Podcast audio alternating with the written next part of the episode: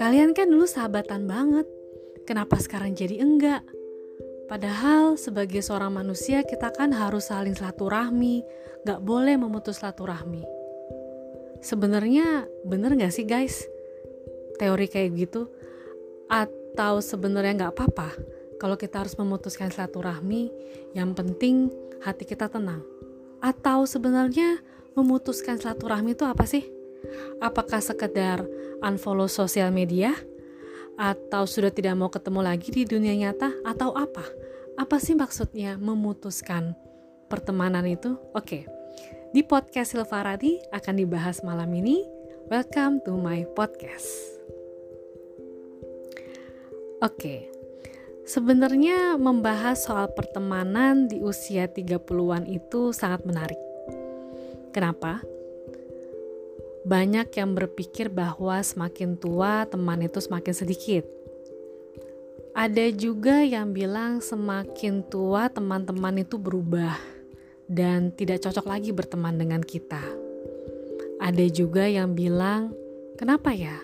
Sahabat-sahabat terdekatku jadi berbeda banget sama aku dan salah nggak sih sebenarnya kalau aku keluar dari peer group aku dan mencari peer group yang baru?" Apakah aku bisa dibilang sombong? Apakah aku bisa dibilang memutus silaturahmi? Oke, aku akan bahas. Mungkin aku bisa juga salah, tapi kan boleh ya orang beropini ya. Kalau katanya Britney Spears di lagu Circus, ada dua tipe manusia. Satu yang observer, yang satu um, penghibur atau entertain. Di lagunya di lagunya yang berjudul Circus. Kalau aku bilang ada dua tipe manusia. Yang pertama itu sudah nyaman di hidupnya di satu titik itu, dan yang satunya selalu mencari. Aku nggak bilang tipe pertama itu statis dan tipe kedua dinamis ya, tapi mungkin aku akan memakai kata yang pertama itu adalah tipe nyaman, dan yang kedua adalah tipe um, bukan tidak nyaman juga apa ya. Tipe pencari ya mungkin itu ya. Tipe nyaman dan tipe pencari. Katanya nggak begitu bagus sih tapi nggak apa-apa lah pakai itu aja ya. Tipe nyaman itu kalau dia sudah dapat um, pekerjaan yang cocok buat dia ya udah dia di situ kalau dia sudah dapat teman-teman yang nyaman buat dia ya dia di situ. Kalau dia udah punya lingkungan rumah yang bagus ya dia di situ. Dia tahu uh, di setiap restoran itu dia pesan makanan yang apa dia untuk mencoba udahlah yang udah pasti-pasti aja. Jadi untuk memilih restoran pun yang dia sudah tahu rasanya. Untuk memilih mm, baju juga dia ke toko-toko favorit dia aja gitu. Pokoknya dia sudah berpikir yang bagus itu yang ini ini ini dan sudah jaminan mutu. Dia nggak akan untuk nyoba-nyoba yang lain. Waktu dia terlalu berharga untuk mencoba yang lain. Yang tipe kedua ketika dia sudah di satu titik dia itu masih mencari uh, sebenarnya uh, di luar sana itu ada sesuatu hal yang aku belum coba nggak sih ada sesuatu hal yang aku belum tahu nggak sih Oke, aku sama ini pakai baju di toko ABC. Tapi sebenarnya DEF itu uh, model baju kayak apa sih? Jadi aku bisa tahu yang paling cocok buat aku tuh yang mana. Aku punya uh, teman-teman ini. Tapi sebenarnya di luar sana ada gak ya manusia-manusia yang sebenarnya tuh satu vibe sama aku, cuman aku belum kenal aja gitu. Tapi ini bukan persoalan pasangan ya. Kalau pasangan itu nggak boleh kita, aku udah dapet yang ini nih, aku mau cari di luar sana mungkin ada yang lebih cocok lagi buat aku gak? Itu nggak nggak cocok untuk hal ini ya. Karena yang namanya pasangan itu sehidup semati harus bersama-sama dan satu aja ya. Oke lanjut. Aku itu kalau ditanya tipe yang pertama atau yang kedua ya, sebenarnya tadinya aku pikir aku yang pertama. Tadinya aku pikir aku yang pertama Lalu berjalannya waktu, ternyata aku memilih yang kedua.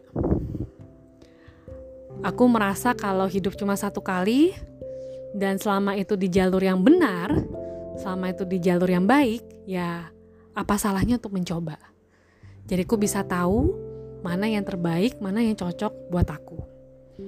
Dan aku memang orangnya itu apa ya? Um, aku nggak tahu ada hubungannya atau enggak dengan profesiku sebagai penulis.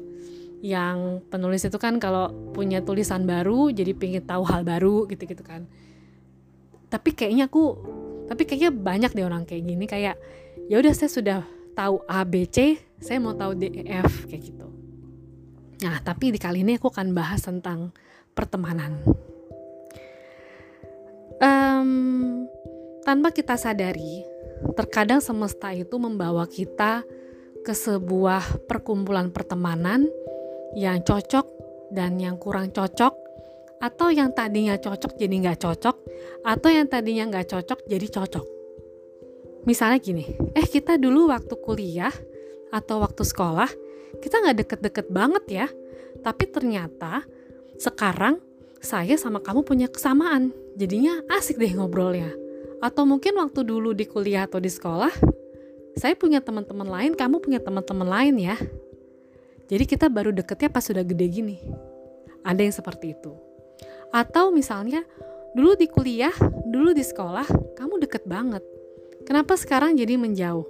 Nah sebenarnya dinamika-dinamika friendship seperti itu aneh gak sih? Kalau menurut aku itu tidak aneh. Karena setiap manusia itu berkembang. Lalu yang tadinya deket jadi tidak deket, apakah itu namanya memutus silaturahmi? Jawabannya kalau menurut aku ya enggak. Tergantung. Kayak misalnya tadinya deket banget. Terus sekarang enggak. Terus kita mikir, pokoknya di sosial media, di segala macem WhatsApp semua nomornya dia gue blok. Gue unfollow. Gue blok. Gue nggak mau lihat mukanya lagi please gitu. Gue nggak mau lihat apa-apanya lagi di sosial media. Dia nyapa gue, gue nggak mau jawab gue nah itu kok kayak gitu itu namanya memutus tapi kita lihat di sini kenapa dia bisa melakukan hal itu dan hanya dia dan Tuhan yang tahu kalau dia nggak cerita gitu kan nah tapi ada juga tipe yang gini ya tadinya deket sekarang enggak ya karena minat kita dan keseharian kita sekarang bertambah beda dan itu bukan memutus. Tapi memang tiba-tiba renggang. Tapi kerenggangan ini juga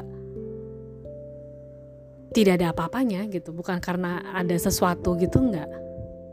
Tapi misalnya kerenggangan itu dirasakan oleh salah satu pihak misalnya aduh kenapa ya?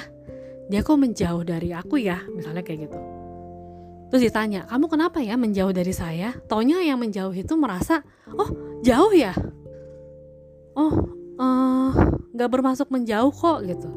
Kok gitu kamu deket lagi dong sama saya? Tapi naluri kita mengatakan e, saya sama kamu kayaknya udah beda nih gitu. Jadi gimana ya kok hati itu kan uh, alam bawah sadar gitu ya. Saya belum tergerak untuk deketin kamu lagi tapi kalau ditanya orang nanti ke depannya kamu kan ketemu lagi akan berteman lagi nggak sama dia saya juga nggak bisa jawab seperti halnya saya juga tidak tahu tadinya waktu sekolah atau kuliah atau di masa dahulu saya nggak deket sama seseorang, saya nggak temenan sama seseorang, sekarang saya bisa temenan. Itu namanya adalah rahasia-rahasia, misteri-misteri hidup yang sangat seru gitu menurut aku. Dan itu bukan sesuatu hal yang apa ya, yang harus diberitahu atau harus dicari tahu. Harusnya tuh begini, harusnya tuh begitu. Gak nggak seperti itu. Layaknya waktu aja yang penting ketika jauh kita tidak bercerita apa-apa ke banyak orang hal-hal atau rahasia-rahasia yang orang ini sampaikan ketika kita dekat itu aja sih sebenarnya atau enggak jelek-jelekin orang itu yang penting tidak melakukan itu aja sama mantan kita aja kita kalau bisa kalau bisa sih soalnya kalau mantan urusannya lain ya itu gak usah cerita-cerita gitu kan gimana teman gitu maksud aku nah aku pernah ngobrol sama seorang kawan di tahun ini. Aku bisa bilang baru kenal sama dia tahun ini. Dia seorang traveler. Aku nggak mau ngomong dia siapa. Jadi suatu hari kelepasan lah. Aku udah saking ingin tahu ya, ingin tahu. Aku tanya sama dia. Sebenarnya kalau ada dua orang teman, sahabat yang tadinya dekat dan sekarang jadi enggak, itu suatu hal yang aneh gak sih? Sesuatu hal yang harus dibenahin gak sih? Aduh, misalnya kita satu grup sama si A dan si B yang tadinya deket banget jadi menjauh. Jadi gara-gara A sama B jadi menjauh, kita sebagai temannya jadi bingung nih.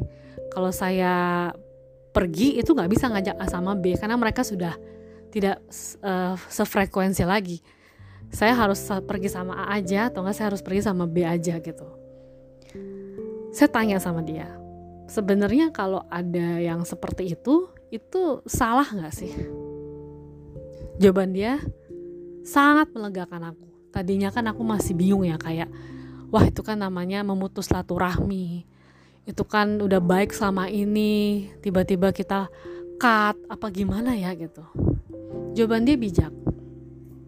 Dia jawab begini. Ya,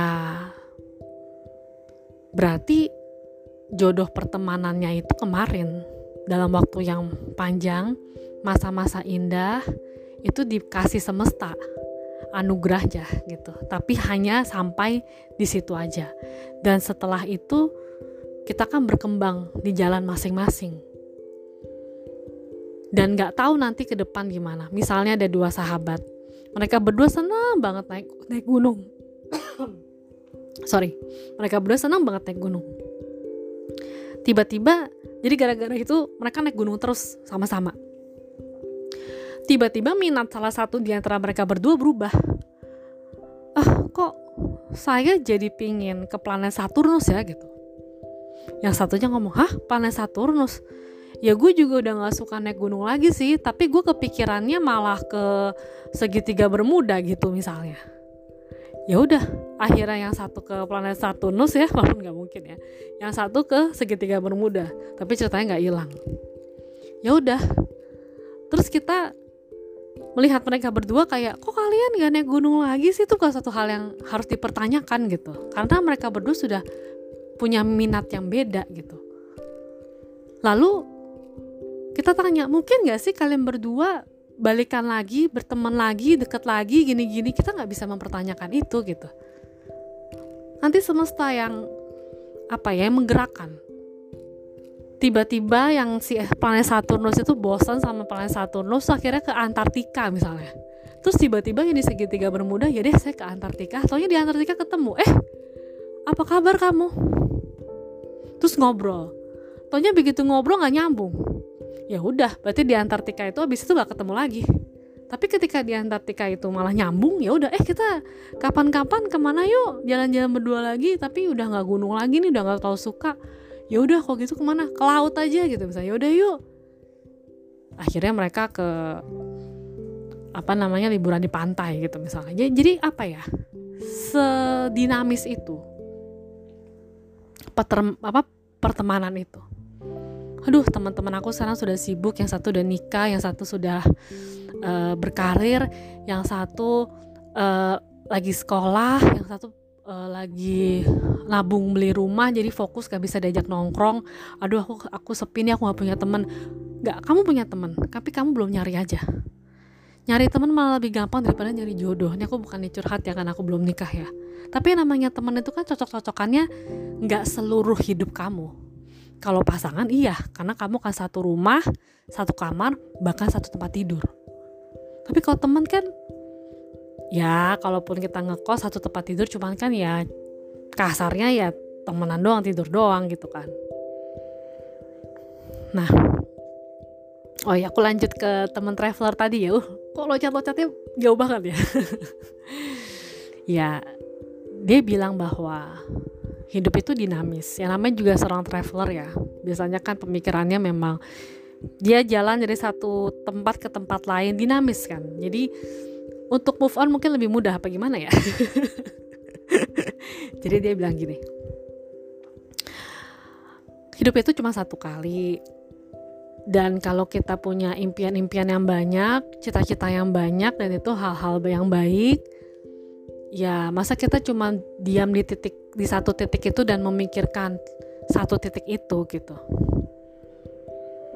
Jadi kita lakukan aja yang terbaik buat kita kita yang tahu. Soal memutus itu daripada dipaksakan tidak diputuskan uh, silaturahminya tapi hati itu kebawa dongkol terus tiap hari. Kayak aduh saya tuh sama beda vibes. Aduh yang ada malah ngomongin si orang yang dekat itu sama kita. Ya mending kita cabut dari situ. Dan kita mencari orang-orang yang satu frekuensi sama kita. Dan nyari teman itu gampang kok sebenarnya. Kita ikutan satu hal ketemu teman-teman. Asal kita membuka diri aja kan. Kenapa sih orang tuh susah dapat teman? Kalau aku bilang ya karena toleransinya itu gak gede. Oke misalnya gini. Saya kamu ngaca terus kamu lihat diri kamu. Saya tuh kayak gimana sih? Saya itu begini terus hobinya ini terus saya orang ini terus habis itu um, apa namanya saya itu profesinya ini dulu sekolahnya di ini dulu kuliahnya di ini dulu kerjanya di ini. Ideologi politik saya begini uh, klub olahraga saya begitu. Pokoknya kita bener-bener mencari orang yang sama sama kita. Itu kan berarti toleransi kita nggak tinggi. Dan itu hak setiap orang. Saya milih teman memang memang pilih-pilih banget gitu misalnya ya nggak apa-apa. Tapi jangan mengeluh kalau temannya sedikit. Tapi kalau kita misalnya terbuka misalnya eh kamu makan bubur ayam diaduk ya? Iya guys misalnya gitu. Oh aku soalnya enggak oh tuh sejak saat itu kita jadi males ngobrol sama dia. Ternyata beda ya dia bubur ayamnya diaduk saya sih enggak eh kamu pesen ayam uh, goreng apa bakar kalau aku sih sukanya goreng. Itu dalam hati kita gue sukanya bakar. Dia sukanya goreng banget ya beda banget gue sama dia. Udah deh gue gak usah deket-deket sama dia misalnya kayak gitu. Ini cuma contoh doang ya ya nggak mungkin juga ada orang yang nggak mau temenan gara-gara soal bubur ayam ya. Cuma maksudnya aku cuma ngambil contoh aja. Tapi kita mikir ah saya memang kalau bicara soal A kurang cocok nih sama orang ini. Tapi dia diajakin ngobrol B C D nyambung banget sama gue. Ya udah dia asik kok dan gak usah ngomongin A berarti sama dia. Cari lagi temen yang lain untuk bisa ngomongin A. Tapi orang ini ngomongin B C D nggak asik. Ya udah gitu. Jadi nggak mungkin ada orang yang satu itu dari A sampai Z tuh sama sama kita gitu tuh nggak ada. Dan begitu juga kebalikannya ya. Orang itu bisa membuka diri untuk bisa mau dan sudi berteman sama kita tuh juga udah terima kasih banget kasarnya gitu. Jadi kita balas kebaikannya tapi kita juga punya hati yang bisa mengeker-ngeker kasarnya ya orang ini temenan sama kita tuh tulus atau ada maunya. Kasarnya gitu. Nah jadi ketika mendengar padahal aku tadinya nyeritain kata-kata si teman traveler ini ya tapi aku loncat-loncat ke mana-mana. Padahal dia waktu itu ngomongnya cuma 4 menit atau 5 menit gitu. Ya pokoknya gara-gara kata-kata dia itu padahal mungkin dia juga nggak nyangka kata-kata itu tuh aku maknain sedalam ini ya gitu. Jadi gara-gara dia ngomong kayak gitu bahwa ya hidup cuma satu kali apa yang mau kita lakukan secara positif itu kan pasti banyak di hari ke depannya keinginan kita ya.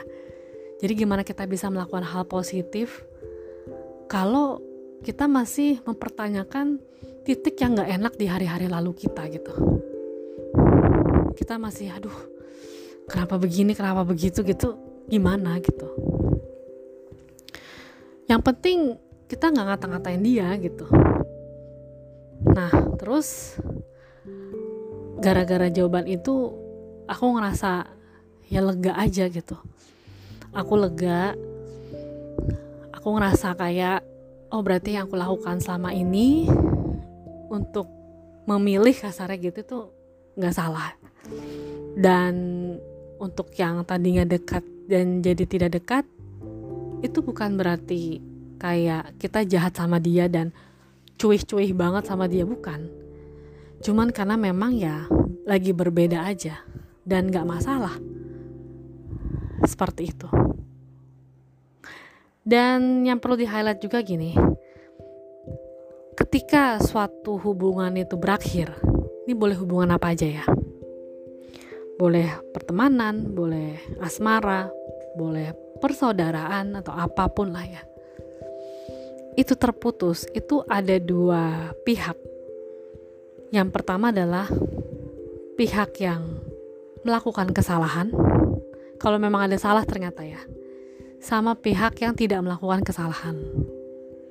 Atau pihak yang meninggalkan dan pihak yang ditinggalkan. Nah,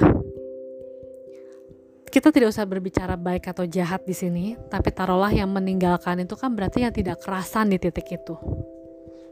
Yang tidak kerasan di hubungan itu. Nah, ketika yang meninggalkan itu pergi dan yang ditinggalkan itu ditinggalkan kasarnya begitu. Ada yang sakit hati, ada yang tidak sakit hati. Posisinya gitu. Mungkin kadang-kadang yang sakit hati yang meninggalkan. Kadang-kadang yang ditinggalkan juga yang sakit hati. Dua-duanya sakit hati atau bagaimanalah itu tergantung dinamika hubungan masing-masing.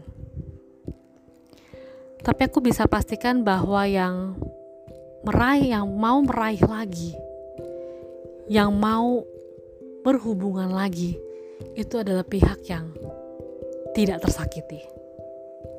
Sementara pihak yang tersakiti ya kasarnya dia bisa menyembuhkan diri dia sendiri aja dan masih bisa baik sama orang itu aja udah syukur. Kasarnya begitu. Tapi untuk mendekatkan diri lagi itu sebenarnya butuh proses. Dan ketika dia sudah mau atau dia sudah sudi untuk kembali lagi, jangan disakitin lagi. Itu nanti kalau udah sakit yang kedua kali, menjauhnya akan susah lagi untuk ditarik lagi untuk bisa berhubungan dekat lagi. Gitu. Jadi maksud aku di sini aku pernah ngobrol sama seseorang yang menyakiti hati seseorang yang dia tinggalkan. Begitu dia nyesel dia bingung untuk bisa baik lagi sama orang orang itu. Kenapa dia ngomong gini sama aku? Pokoknya jangan pernah melakukan sesuatu yang misalnya buat orang yang kemarin nyakitin kamu itu tuh e, merasa kalau oh ternyata orang itu balas dendam kayak gitu. Karena dengan tidak membalas dendam sebenarnya orang itu tuh akan kelimpungan kayak aduh aku kangen ya masa-masa kebersamaan karena dia bukan pihak yang nyakitin. Jadi percayalah ya pihak yang tidak pihak yang nyakitin. Itu dia akan kelimpungan. Karena manusia-manusia di luar sana itu kan beraneka ragam. Jadi kalau kita tuh menawarkan hubungan yang tulus sama orang tersebut terus dia nyakitin kita ya kita nggak usah nyesel-nyesel banget. Kita oke okay, kita butuh waktu untuk move on. Tapi setelah move on yakinlah kita bisa lebih enjoy dalam hidup. Sementara dia dia kayak kelimpungan untuk aduh ternyata waktu itu dia tulus ya. Ternyata waktu itu waktu saya hubungan dekat sama orang itu dia baik banget ya seru banget ya tapi udah susah untuk diraih. Karena orang ini udah sakit. Udah sakit hati maksudnya bukan sakit gila ya.